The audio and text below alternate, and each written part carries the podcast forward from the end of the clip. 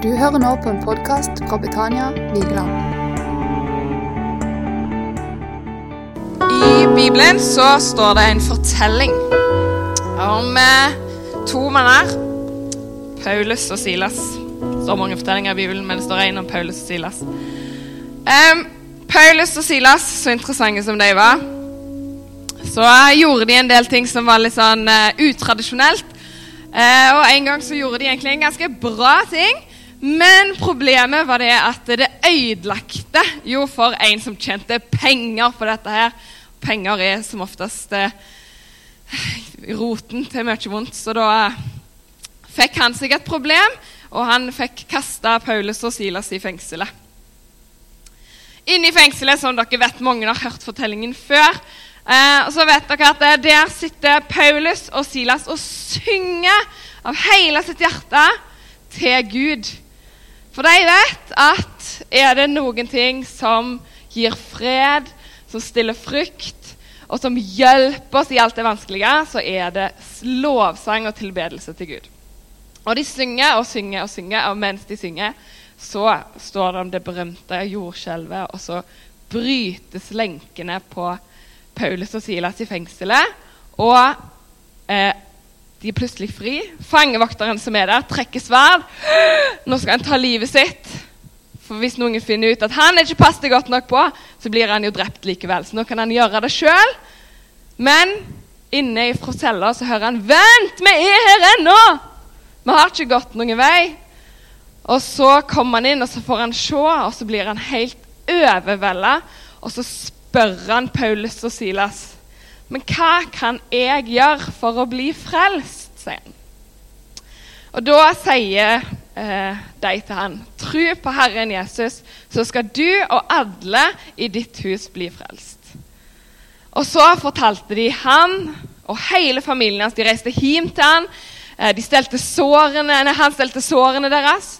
Og de fortalte familien hans om Jesus. Og alle i hans familie kom til tro og ble døpt den påfølgende dagen. Fordi at han tok imot Jesus og tok de troa med seg hjem. Kjære Jesus, jeg ber deg for dette møtet. Jeg ber deg for min fred. Jeg ber om at jeg skal ha fred nok til å si det du vil jeg skal si. Jeg ber om at eh, du skal være i alle ting som jeg gjør, og som vi gjør. Og Jeg ber om at vi skal klare å ta troen vår hjem uansett hvilken alder vi er i, uansett hvem vi er, og uansett hvordan vi føler oss.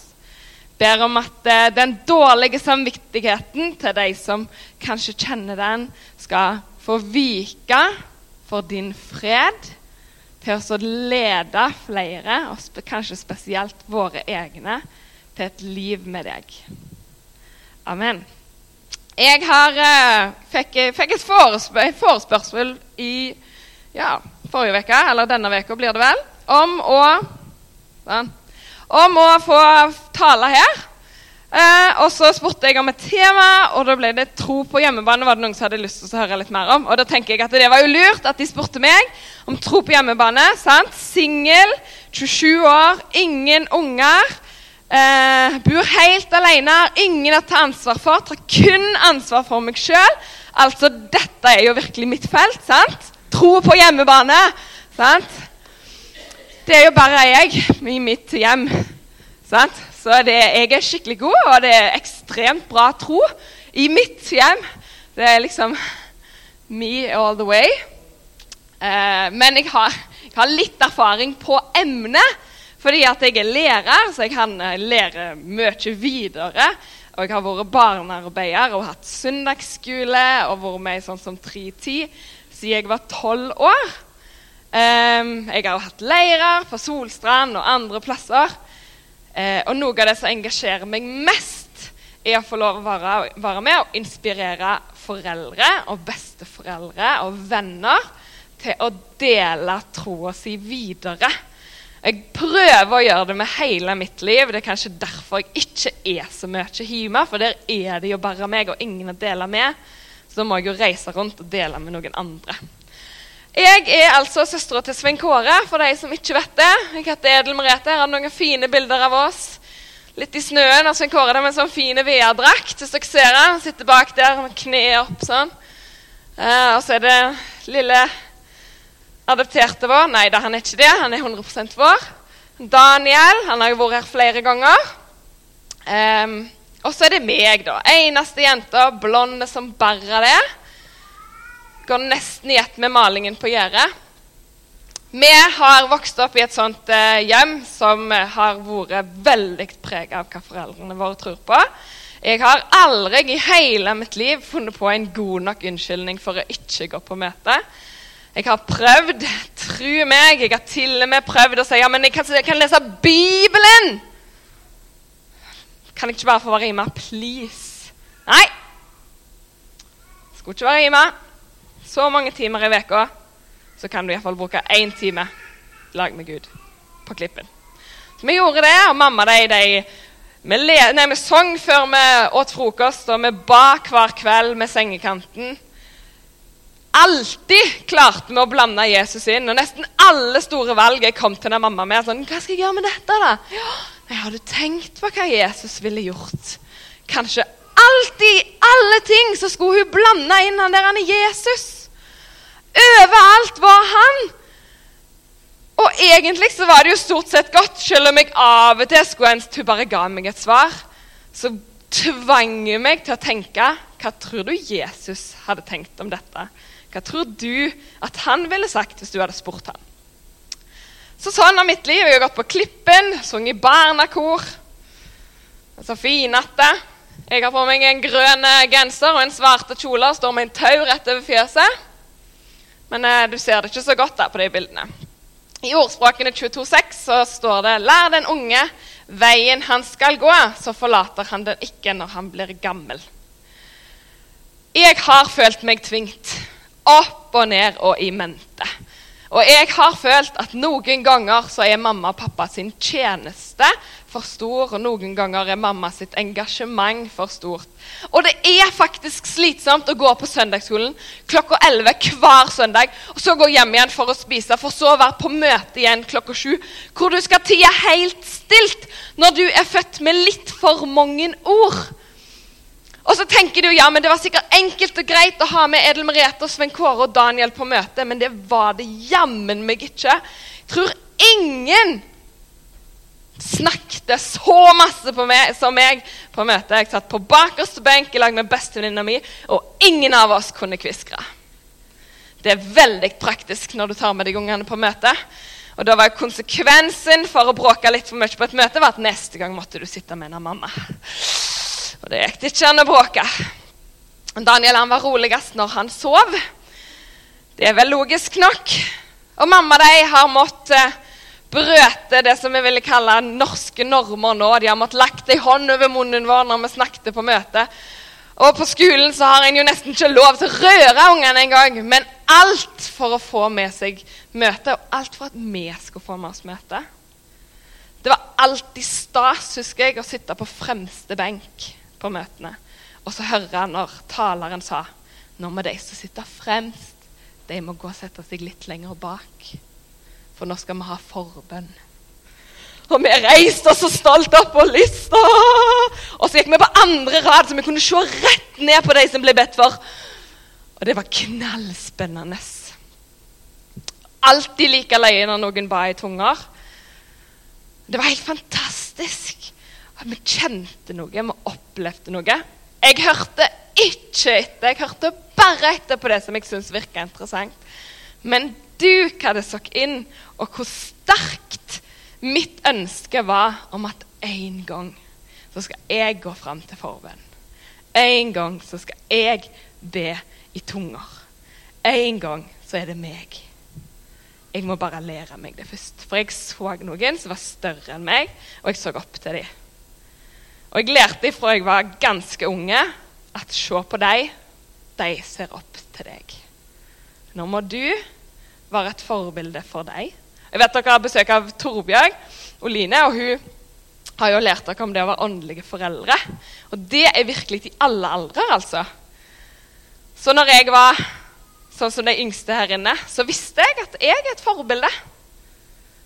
Jeg må lye etter det, men det var ikke alltid lett. Jeg snakket jo alltid litt likevel, og bråkte alltid litt og var litt urolig. Og det er jeg ennå, for jeg har litt for mange meninger om alt. Fangevokteren han sa at hele, sammen med hele hans hus så ble han døpt. Og han fryda seg over troen som han hadde fått på Jesus den dagen. Sammen med hele sitt hus, ikke alene. Så mange ganger tror jeg at vi opplever at noen tar imot Jesus, eller opplever eh, Kanskje noen har opplevd å bli frelst sjøl, og så går en hjem, og så Så er det lukka. Kanskje en går til vennene, og vi har stengt. Vi forteller ingenting. Og jeg, til og med jeg, som kan stå og snakke på en scene for mange folk, syns det er flaut når jeg står med mine venner. Så forteller jeg ingenting. Men fangevokteren han visste at vi kan ikke stoppe med å bare ta imot. Jeg må ta dem med meg hjem. Dette som jeg har lært, det må jeg ta med meg hjem til mitt hus. For de må få lære det. Og så er jeg sikker på at de spredde det videre. Det forandrer alt. Tenk hvis alle som tok imot Jesus, bare hadde stoppet etter vi tok imot Jesus. Tenk hvis det eneste måten å bli kjent med Jesus på var her inne. Tenk så få vi hadde vært. Selv om jeg er veldig fan av å få alle med på møte, så er det noe med å ta møtet med seg hjem. Dere har hatt storm, det har vi òg for så vidt, men vår var ikke så ekstreme. Um, vi var bare innestengt, for jeg bor på ei øy, så det var ikke så mange måter å komme seg vekk. Men dere har hatt en Knut på besøk. Og en Knut han tatt, har tatt strømmen deres til mange. Og jeg tenkte på det når jeg så at eh, strømmen var gått her sør. Så er det noe med det at det er veldig mye storm i våre liv og i ungene sine liv. sant? De livene som er rundt oss. Hvis du er mamma eller pappa eller har noen småsøsken eller venner som ser opp til deg, så vet du at det er mye storm, og mange ganger så opplever de strømbrudd. Sant? Det blir et strømbrudd. Det kommer et stort spørsmål som er for stort, og igjen så må vi fysisk gå og gjøre jobben. Vi kan be, og stort sett i en sånn situasjon så ville vi satt oss ned og be. Kusina mi hun har gått litt ifra troa si. og Alt vi snakker om i min familie, er vi må be. Og det er bra å be, tro meg. Jeg elsker å be. Iallfall når jeg klarer å konsentrere meg. Jeg må bare be høyt, for inni hodet mitt er det for mange tanker. Men bønn er kjempebra. Men når Knut kom, og strømmen gikk Hvis vi bare hadde satt oss ned og be, hvor lang tid hadde det ikke tatt før den strømmen kom tilbake? Hvor lang tid hadde de ikke brukt på å sitte en plass og be? Noen må jo gå og gjøre en jobb. Og det er meg og deg. Det er ikke de store misjonerene eller, sant? Det er, trenger ikke være en stor, fancy ting. Det er jo hjemmet. Det er jo foreldrene, det er jo vennene, det er jo besteforeldrene. Man må gjøre en fysisk jobb med å sette i kontakten. Det er en grunn til at unger har fått et sånt At vi har lagd et sånt uh, ordtak på en måte om unger som å stjele sukkertøy fra barn. Barn er sykt lette å lure. Og da mener ikke jeg bare små barn. Jeg mener òg åndelige barn. De er lette å lure. Det er kjempelett å lure en unge Tro meg, hver eneste dag når jeg er på jobb, så er det en eller annen unge, og så bare er jeg litt flinke med ord. Og så har jeg snakket de inn til å tro at denne oppgaven er kjempekjekk. Ja, det er så kjekt! Og så syns de det. Jeg har liksom brukt meg sjøl, og så har jeg vært et slags forbilde i å vise at det hvor lett det var, eller hvor kjekt det var. Men det går begge veier. Unger er så sykt lette å lure. Nesten halvparten av alle som tror på Jesus, har tatt imot Jesus før de blir 13 år. nesten halvparten. Ca. 70% 77-80% tar imot Jesus før de blir 22 år. Det er ikke mange prosent igjen da av voksne og eldre. Vi vet at de tar imot det jo, men det er ikke så mange igjen. For de fleste er lettest å overtale, på godt og vondt, når de er yngre. De er lettere å jobbe med. Det er akkurat som ei nye leire. Sant? Du bare knar den, men har jo stått ute litt for lenge. Sant? Jeg er håndverkslærer, har hun stått ute litt for lenge. Så må det så mye til for å begynne å jobbe med henne. Jeg har tenkt på så mange ganger dette med at det, i Bibelen så er det flere ganger at de prøver bare å slette ut alt av unger. Flere ganger så går Satan bevisst inn og sier 'drep alt'! Det skal ikke være noen igjen. For han vet at ungene er òg det letteste å få til å tro. Det er de som blir først påvirka. Det er de som kommer til å ta troa videre. Derfor er det deg vi må jobbe med. Um, ofte så har vi modellæring på skolen, og du har hatt modellæring hjemme.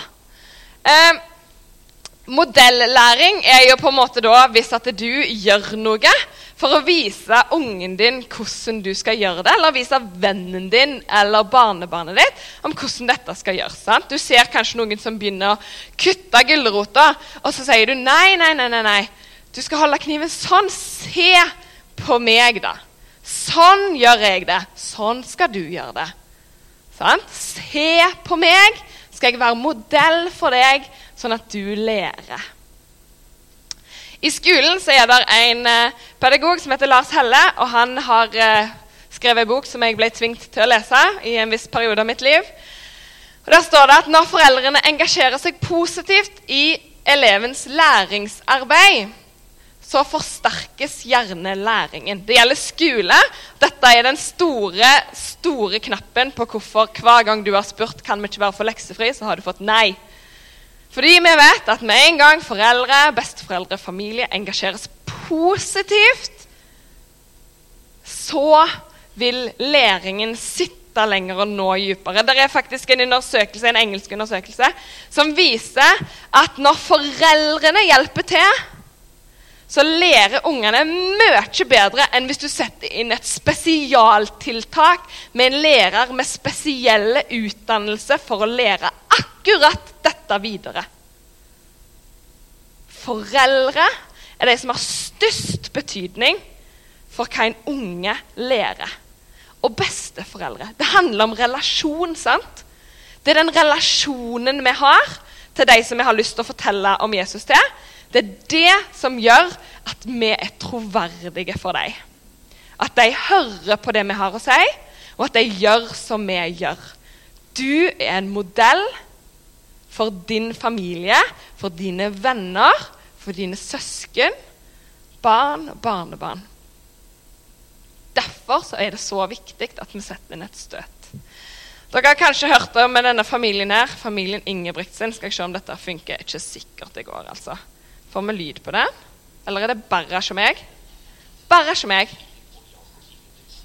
Det var dumt. Hør, hører dere noe i det hele tatt der bak? Nei, vi skipper. Familien Ingebrigtsen, har dere hørt om dem? De snakker det så ekstremt hvordan de gjør det. altså. Familien Ingebrigtsen har har eh, tre gutter som eh, er aktive løpere, og de er Norges beste. Og Hvis du har sett serien, så ser det jammen ikke lett ut å være pappa Gjert. Oi, der var det jeg som smalt. Ikke si p når du taler. Eh, pappa Gjert han er den strengeste og sinteste og mest bestemte når det trengs. Han er den som sier 'Kom igjen, nå! Du må springe! Kom igjen!' Han er den som heier, han er den som jobber, han er den som pusher. Og han sier det er ikke bare lett.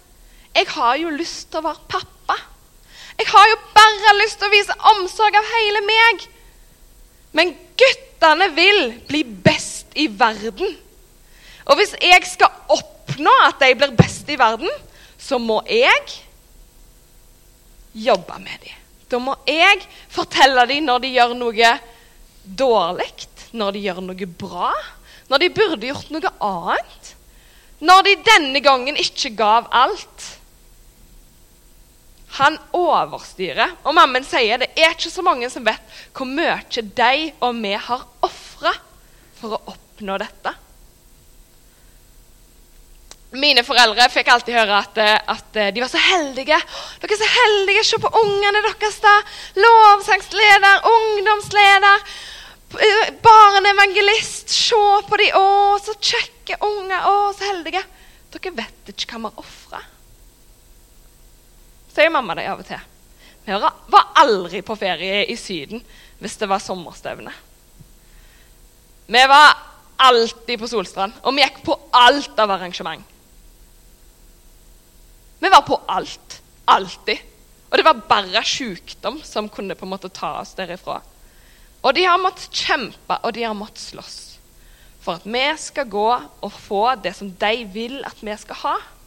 De har måttet ofre, og de har måttet sitte at vi på en måte har uttrykt en slags smerte, for det var noe vi ikke ville, men som senere har gitt et resultat av at det er noe som ligger i oss, som vi vil. Noe som vi brenner for sjøl òg. Og så vet jeg at noen har prøvd det samme, og så har det ikke gått like bra. Og det har jeg ingen fasitsvar på. Men jeg vet at mine foreldre har vært modeller for meg. Og det de har gjort hjemme og i menighet, det har gjort at jeg har hatt lyst til å gjøre det samme. I alle ting, i skolearbeid og i idrettsarbeid og sånne ting, så stiller foreldre opp. Besteforeldre stiller opp. Litt fordi de må, og litt fordi de vil. Vi heier, vi gir konstruktiv kritikk for at de skal bli bedre, for at de skal passe bedre inn. Men gjør vi det i kristenlivet? Gjør vi det med troa vår og deres? Er vi flinke der å pushe og si 'nå skal vi gjøre det', eller prioritere det? Er vi flinke å bygge de opp der, eller er det bare på alle disse tingene som har et veldig synlig resultat raskt, som vi klarer å sette oss ned og jobbe med? Jeg vet jo ikke hvordan det er, for som sagt, dere har jo hørt om all min erfaring av å oppdra unger. Um, så kanskje når jeg får meg unger, så kan dere komme og si 'I told you so'. Men akkurat nå så er det litt sånn at jeg jeg har bestemt meg at hvis jeg en gang er så heldig å få unger, så skal dette her være min hjertesak. Jesus sa i Johannes 13, eh, 15, at 'Jeg har gitt dere et forbilde'. Sånn som jeg har gjort mot dere, skal også dere gjøre. Jesus var et forbilde. Og han sa 'Sånn skal òg dere gjøre'. Du skal være et forbilde. Når du ber, så ser barnebarnet ditt det, barnet ditt det, og vennene dine det. Hvis du er invitert i et bursdagsselskap og sier men jeg skal, jeg skal gå i Betania først, for det er så viktig for meg, så forteller du med den setningen at jeg setter Jesus først. Jeg setter troa mi først. Vennskapet mitt er viktig, men troa mi setter jeg fremst. Det går an å bare gå rett i et bursdagsselskap. Det er ingenting i veien for det. Men det er noe med det vi sier og det vi gjør, som gjør at ungene ser det, og at de rundt oss ser det og oppdager det. Og det har jeg vært så heldig med at når jeg kom ned til frokost, så lå, og pappa var hjemme for sjøen, så lå Bibelen åpen. Da visste jeg pappa har brukt tid med Gud. De kom til senga mi sant, og ville bruke tid med Gud med meg. For å lære meg, være modeller for meg sånn at jeg skulle lære meg å bruke tid med Gud. I boka til Jarle Valdemar så er det noen eksempler på hvordan en kan eh, koble unger til menigheten, men jeg tenker også litt generelt. Det å prioritere Gud hjemme og i menigheten, det viser noe til ungene og vennene våre. Hvis vi ikke prioriterer Gud, hvis vi ikke prioriterer dette, så sier ikke vi at dette er det jeg ønsker mest for ditt liv. Sant? Jeg kan be så masse jeg vil i mitt avlukke, sant? og ingen vil oppdage det. Og Gud kan gjøre kjempemasse gjennom det. For Gud er det jo ingen hindring. Men hvis jeg ber åpenlyst, sant? sånn som Daniel, så blir det synlig for folk hva jeg vil, og hva jeg gjør. Og det blir synlig for ungene. Noen har en tendens til å si at nå, nå skal jeg gå og bruke litt tid med Jesus hvis ungene maser, f.eks. Mamma, mamma, mamma, mamma, mamma, mamma, mamma, mamma! Den har jeg hørt det masse i dag. Og da kan en jo, gå, kan en jo si Hvis en da egentlig trenger tid, kan jeg si at jeg skal gå og bruke litt tid med Jesus. I plassen for å si 'gå vekk, jeg trenger fred og ro'. Sant? Det er måter å gjøre det på. Ta med deg ungene til gudstjeneste hver søndag. har han skrevet. Det måtte jo vi. Ennå så kan ikke jeg gå en søndag uten gudstjeneste. Eller jeg må iallfall ha en podkast. Så ikke så føler jeg søndagene ufullstendige. Engasjer deg sjøl. Har du lyst på unger som engasjerer seg, så er det større sannsynlighet for at de engasjerer seg om du har gjort det sjøl. Om du viser dem hvordan det er sjøl. Ta ansvar i plass for å la andre gjøre det. Meld deg som frivillige. Snakk positivt om menigheten og om Gud og om Jesus. Ikke kritiser lederne, men velsign dem. Jeg vet det er vanskelig, for det er alltid noen vi er uenige med. Det er jeg òg. Og det er sikkert, helt sikkert noen her inne som har lyst til å gå hjem og kritisere meg etterpå. Tenk at dette er jeg ikke enig i. Ja, Men lurt å kanskje passe på at vi ikke gjør det for, for de grytelokkene da, som hører på. Gi ungene ansvar, og la de tjene i Guds rike. La de få være medledere. Arrangere søndagspakke med flere ting, sånn som dere har lunsj. Det er bare et tips som han har tenkte det var praktisk å se. Og han har en kjempebra bok for de som vil lese det òg, for så vidt. Yes. Så har jeg vært litt sånn direkte, da. Jeg liker å være litt direkte. Liker å sette litt uh, stikk. Og så er det jo sånn at uh, jeg dukker kanskje her opp igjen, men det er jo dere som avgjør om jeg skal stå på scenen. Um, men har du virkelig ikke tid? Har du virkelig ikke tid eller ork eller lyst eller krefter? Mammaen min hun er kroniker, for de som forstår hva det er. Allikevel så fant hun kreftene til å gå med oss. I ei uke er det sju dager. Det er 168 timer.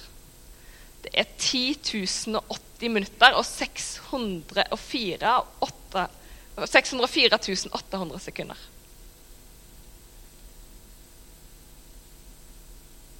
Har du virkelig ikke ti minutter hver dag eller én time på en søndag? Jeg vet det er litt sånn frekt å si. Jeg kjenner det litt inni meg at jeg er litt frekk nå.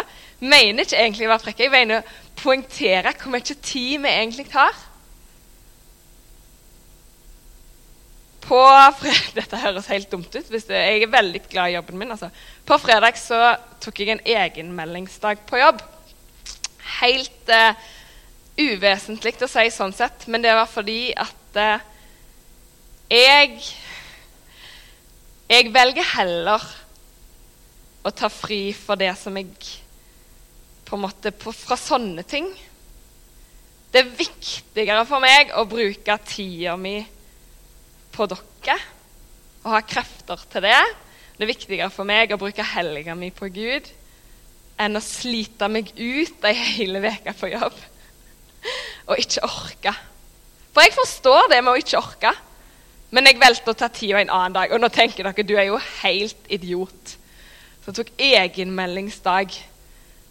Men jeg trengte den dagen til å forberede denne dagen. Til å samle krefter. Til å få puste litt. På skolen så får jeg ikke påvirke noen i forhold til tro. Da kan jeg miste jobben. Men jeg mister ikke jobben av å bruke mine egne egenmeldingsdager på Jesus. Ja, litt sneaky, men eh, jeg var ærlig med dem på jobb. altså. Jeg fikk helt lov. litt eh, tips fra meg, egentlig. Og så Nå vet jeg at det er mange her som tenker at vi er ferdige med denne tida. Dette er ikke relevant for oss. Eller jeg er ikke kommet til denne tida. Eh, men dette kan en gjøre i, med barnebarn og familie generelt. Og en kan gjøre det med venner og i det som en er leder i eller for. Eh, ja, se der. Det datt noe ut. Går det an å få den opp igjen, eh, Nikolai? Der. Be i lag på en eller annen måte. Bruk tid med dine venner, de du er åndelige foreldre for, eller vanlige foreldre for, til å be i lag. I India så hadde vi takkekorg. Eh, og da var Det sånn at det var ikke fysiske korg, men jeg satt på sengekanten til seksåringen, og så takket jeg Jesus for noe. Så var det hennes tur. Så takket vi Jesus annenhver gang til det var fullt. Når det var fullt, det var når vi ikke kom på noe mer å takke Jesus for. Da var det fullt. Så da takket jeg for mamma og hun for pappa, og jeg for Jenny og hun for Julia. Og jeg for Norge og hun for India. Og så takket vi til vi var ferdige. Og av og til så takket vi for bananer og toaletter og løgne ting, for hun er seks år. Jeg har hatt takkekorg med unger helt ned i treårsalderen, og det funker kjempebra. De er kjempeflinke å takke Jesus. Ta en popkornbønn poppa en bønn. Trenger ikke be en lang bønn. Gud har aldri krevd av oss å be en lang bønn. Mine bønner er alltid veldig merkelige. Noen er sinnssykt lange, og noen er bare veldig korte. Eh, Popkornbønn er liksom pop, pop, at en ber en setning her og der. Og dere har helt sikkert gjort det. Dere har bare ikke visst at vi kaller det for popkornbønn når en er litt mindre. For akkurat som en popkornpose, så popper popkornene ulikt. Noen popper samtidig. Noen popper mange ganger. De har flere ting å be om. Noen popper helt til de blir svidd. Og noen popper ikke i det hele tatt. Noen har ikke lyst. Og det er lov. Ta, Be en bordbønn, kveldsbønn, hermebønn, lyttebønn. Ungen din lærer deg. Be høyt. Jeg har veldig mange venninner som sier jeg våger ikke be høyt. Det er så flaut. Be høyt. Det er en åndelig mur, og dette er ikke tull, for den kjenner jeg av og til sjøl. Det er en åndelig mur som stenger deg fra å be høyt. Det gjelder i alle ting.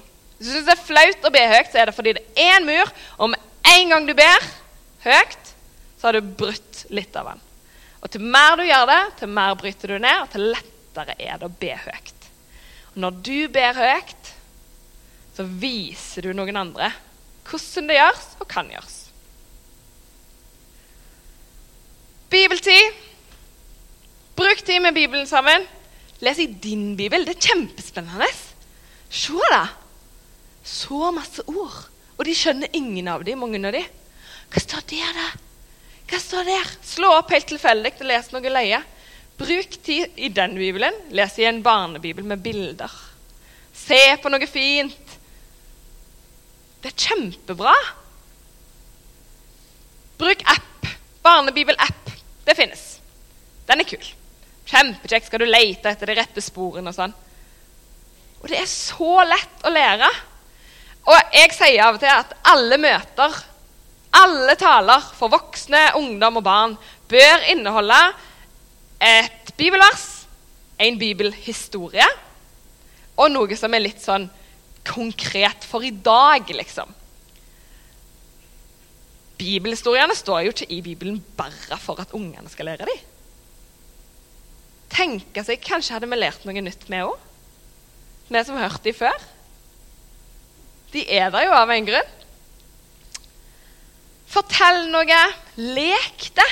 Du har jo sikkert Barbie-dokker og Lego og Duplo og sandkasse og hele pakka. Les. Lek. Og så øv på bibelvers. Det er helt genialt. Jeg har ikke vært knallgod på det, altså. men uh, det er helt genialt. Du hører unger som bare kan bibelvers på rams. Det er fantastisk. Lovsang. I bilen, hjemme, overalt. Syng, lytt. Alt. Lovsang er så fantastisk bra når du ser en unge som lovsynger. Men fortell gjerne litt. Det er ikke som å synge 'Baba lille lam'. sant?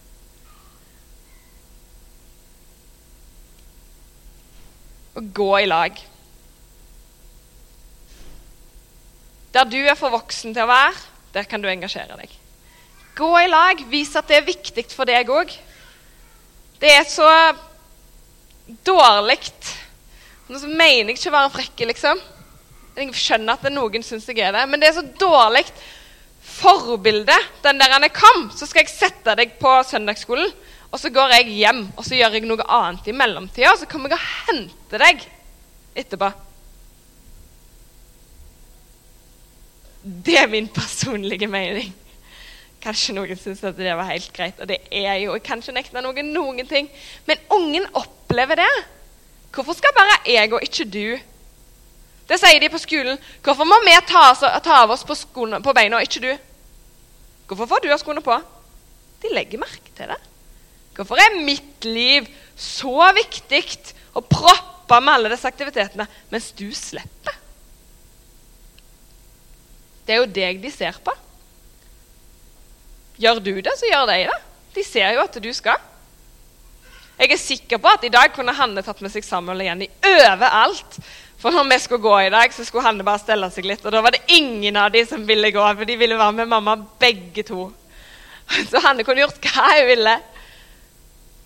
De har så lyst til å være med foreldrene sine. Og når du er der, hvis du går på tritid, så kan du spørre hva lærte du i dag. Og når de sier 'Jesus', så kan du utdype fortellingen. For når du tar med det du lærer her, med deg hjem, så læres det dypere. Det når lenger. Fangevokteren tok jo Paulus og Silas med seg hjem. Det kan jo du òg. Du har jo hele Bibelen. Og så lærte han familien sin noe nyttig.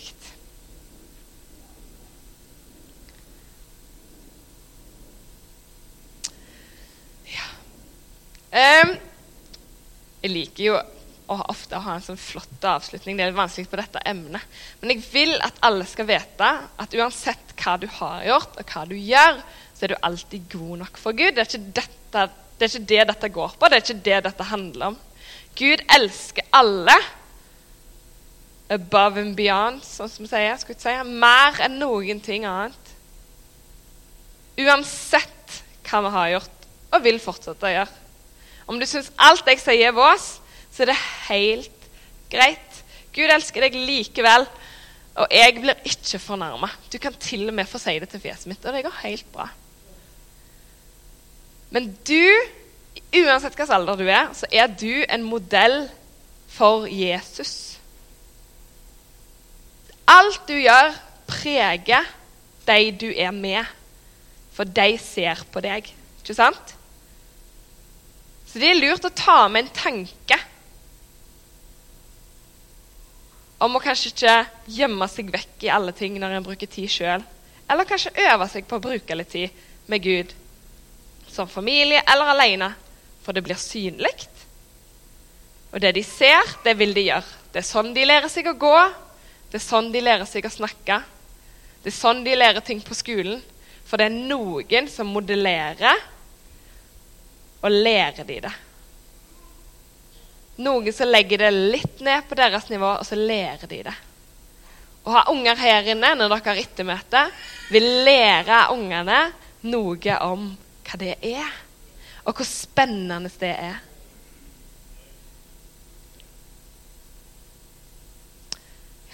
Jeg har egentlig ikke mer å si. Jeg bare håper veldig at dere har lyst å gjøre det med vennene deres og familien deres at det skal få prege deres liv. Og så vet jeg at den innsatsen vi gjør, er alltid god nok. Og det handler ikke om mye eller lite. Sant? For det du sår, det er jo Gud som skaper vekst.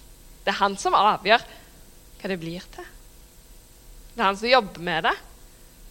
Og vær ærlig om din tvil. De tviler, de jo.